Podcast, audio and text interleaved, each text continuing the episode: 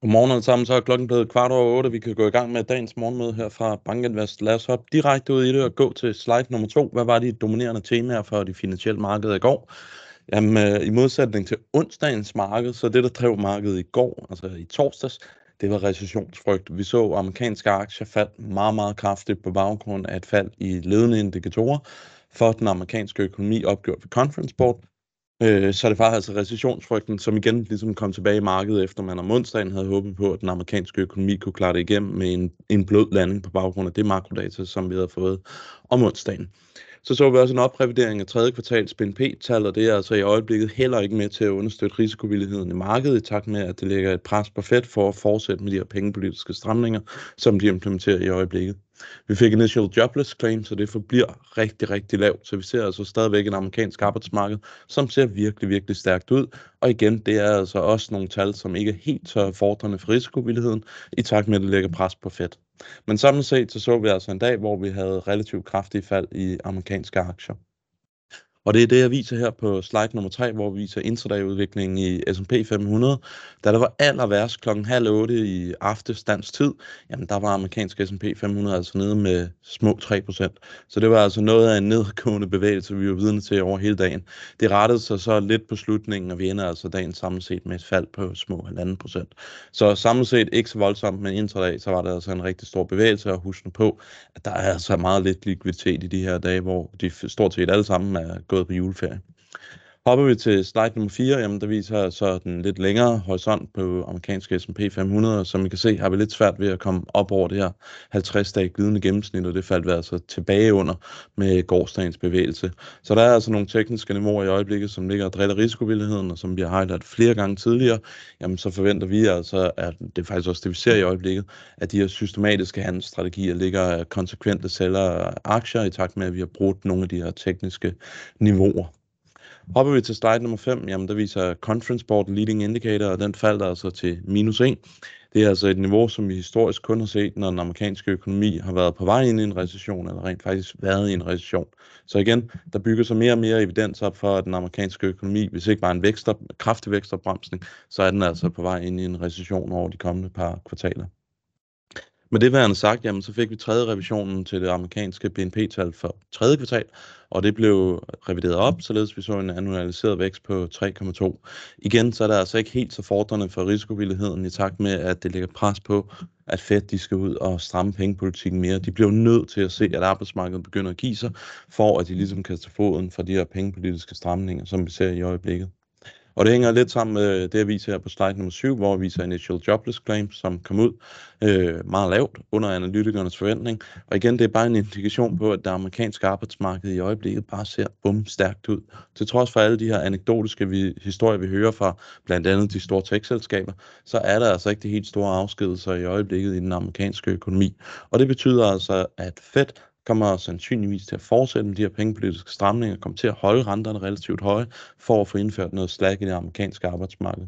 Så stort fokus på initial jobless claims gående ind i 2023. Indtil videre har vi altså ikke set, at det begynder at give sig. Og så prøver jeg lige at, at samle lidt op på, hvordan er det egentlig, man skal tolke makro i øjeblikket, sådan, som vi ser det.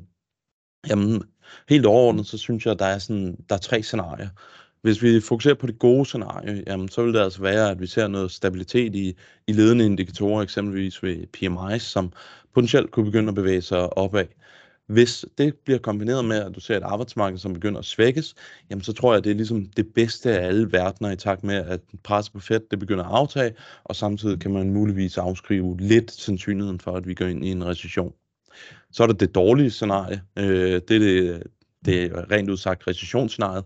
Alt svækkes. Vi kommer til at se arbejdsmarkedet, der går ned. Vi ser fremstillingssektoren, der går ned. Vi ser servicesektoren, der går ned. Og vi går ind i et recessionsscenarie. Det er naturligvis et, et dårligt scenarie for risikovilligheden. Og så er der det rigtig dårlige scenarie.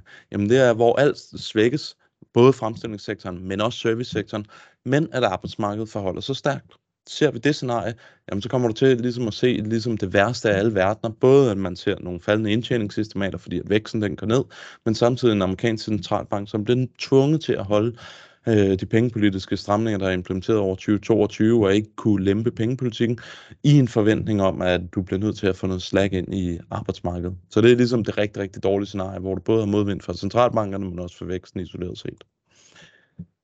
Hopper vi til slide nummer 9, jamen der viser udviklingen en øh, tyske 10-årige rente, som I kan se, så fortsætter vi altså bare med at stige. Nu rører vi op på 2,36 i går, og vi er altså ikke langt fra de topniveauer, vi har set op fra 2022. Så det pres, det ligger altså også stadigvæk at køre i øjeblikket.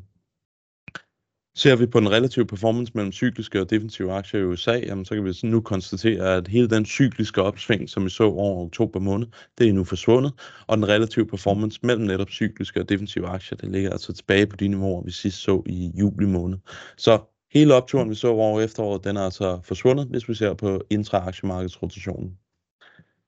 En lidt positiv nyhed, jamen det er, at naturgaspriser for Europa de fortsætter med at falde, og vi ligger faktisk tæt på de laveste niveauer, som vi har set efter krigen i Ukraine øh, startede her den 24. februar.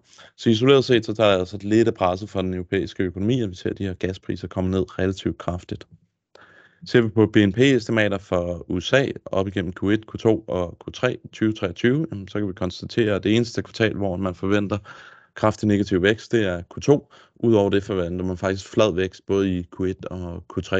Det er en nedrevidering i forhold til de estimater, vi så for blot en måned siden, men vi forventer altså, at det kommer til at accelerere, og vi kommer til at se yderligere nedrevideringer til BNP-estimaterne over 2023, i takt med, at recessionen bliver alt mere tydelig for både investorerne, men også analytikerne. Hvad skal vi fokusere på i dag? Jamen det bliver PC-inflationen. Jeg tror ikke, der er en helt stor overraskelsespotentiale i den, efter vi har haft de her CPI-print over den seneste par måneder.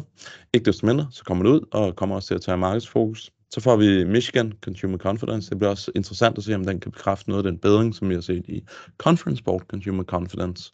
Men samlet set, så tror jeg altså, at vi lige skal huske på, at det er en stille dag med relativt lav likviditet. Og her fra morgenstunden, jamen, så kan vi bare konstatere, at de asiatiske markeder ligger relativt kraftigt nede. Med disse ord, så vil jeg bare ønske alle sammen en rigtig, rigtig god jul, og vi høres ved i dagene mellem jul og nytår. Hej.